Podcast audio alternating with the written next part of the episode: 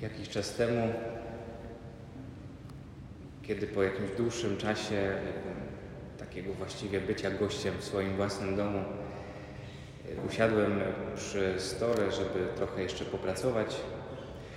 Na stół wskoczył kot i strącił taką lampkę przenośną, którą sobie postawiłem, żeby oświetlała mi to miejsce pracy. Lampka spadła, kiedy się schyliłem, dalej świeciła, zobaczyłem pod stołem, jak dużo jest tam kurzu, jak dużo jest tam e, no, do posprzątania.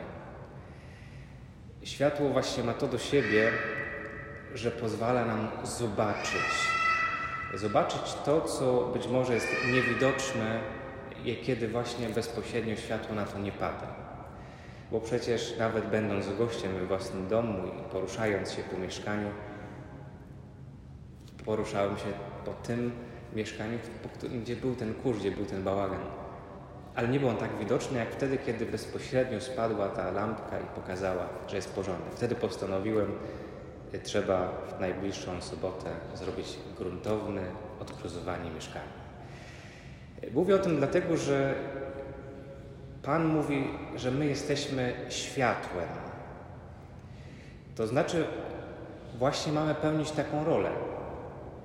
Zresztą mówi y, sam wyraźnie o tym w ostatnim zdaniu dzisiaj Ewangelii. Bycie światłem polega na tym, żeby inni zobaczyli w nas dobre uczynki. Światło, chociażby wieczorem, oświetlając ciemne ulice, wskazuje, gdzie biegnie droga.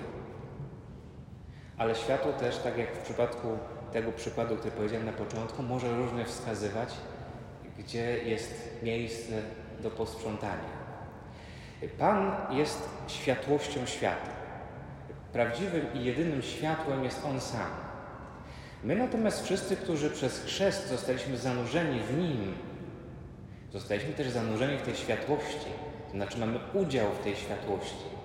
Dlatego zobaczcie, Pan nie mówi, że macie być światłem.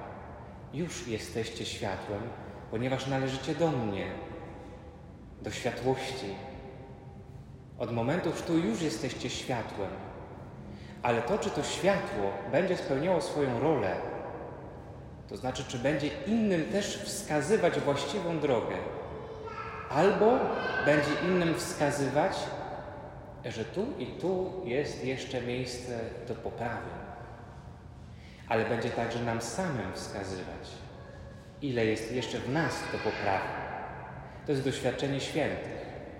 Święci mistycy wielokrotnie im bliżej byli Boga, tym bardziej podkreślali jakąś swoją niegodność, co wydaje się nam paradoksalne, no bo kto, im bliżej ktoś jest Boga, to znaczy, że jest coraz lepszy, ale to jest właśnie jak ze zbliżaniem się do światła. Widzimy coraz więcej, coraz drobniejszych planów na ubraniu. Już nie tylko te wielkie, które każdy zauważy, ale coraz mniejsze i mniejsze. A chcielibyśmy, żeby to ubranie nasze było czyste w spotkaniu z Panem. Dlatego pytanie dzisiaj dla nas jest takie, co powoduje, że nie dajemy światła. Co powoduje, że to światło jest zakryte. I z tym warto się w tym tygodniu zmierzyć. W naszym życiu właśnie nie chodzi o to, żeby innych przekonywać nie wiadomo jakimi argumentami do wiary. Chodzi o to, żeby być światłem. To znaczy samemu tak żyć, żeby przykład naszego życia innych oświecał innym wskazał drogę albo właśnie pokazał coś, że trzeba poprawić.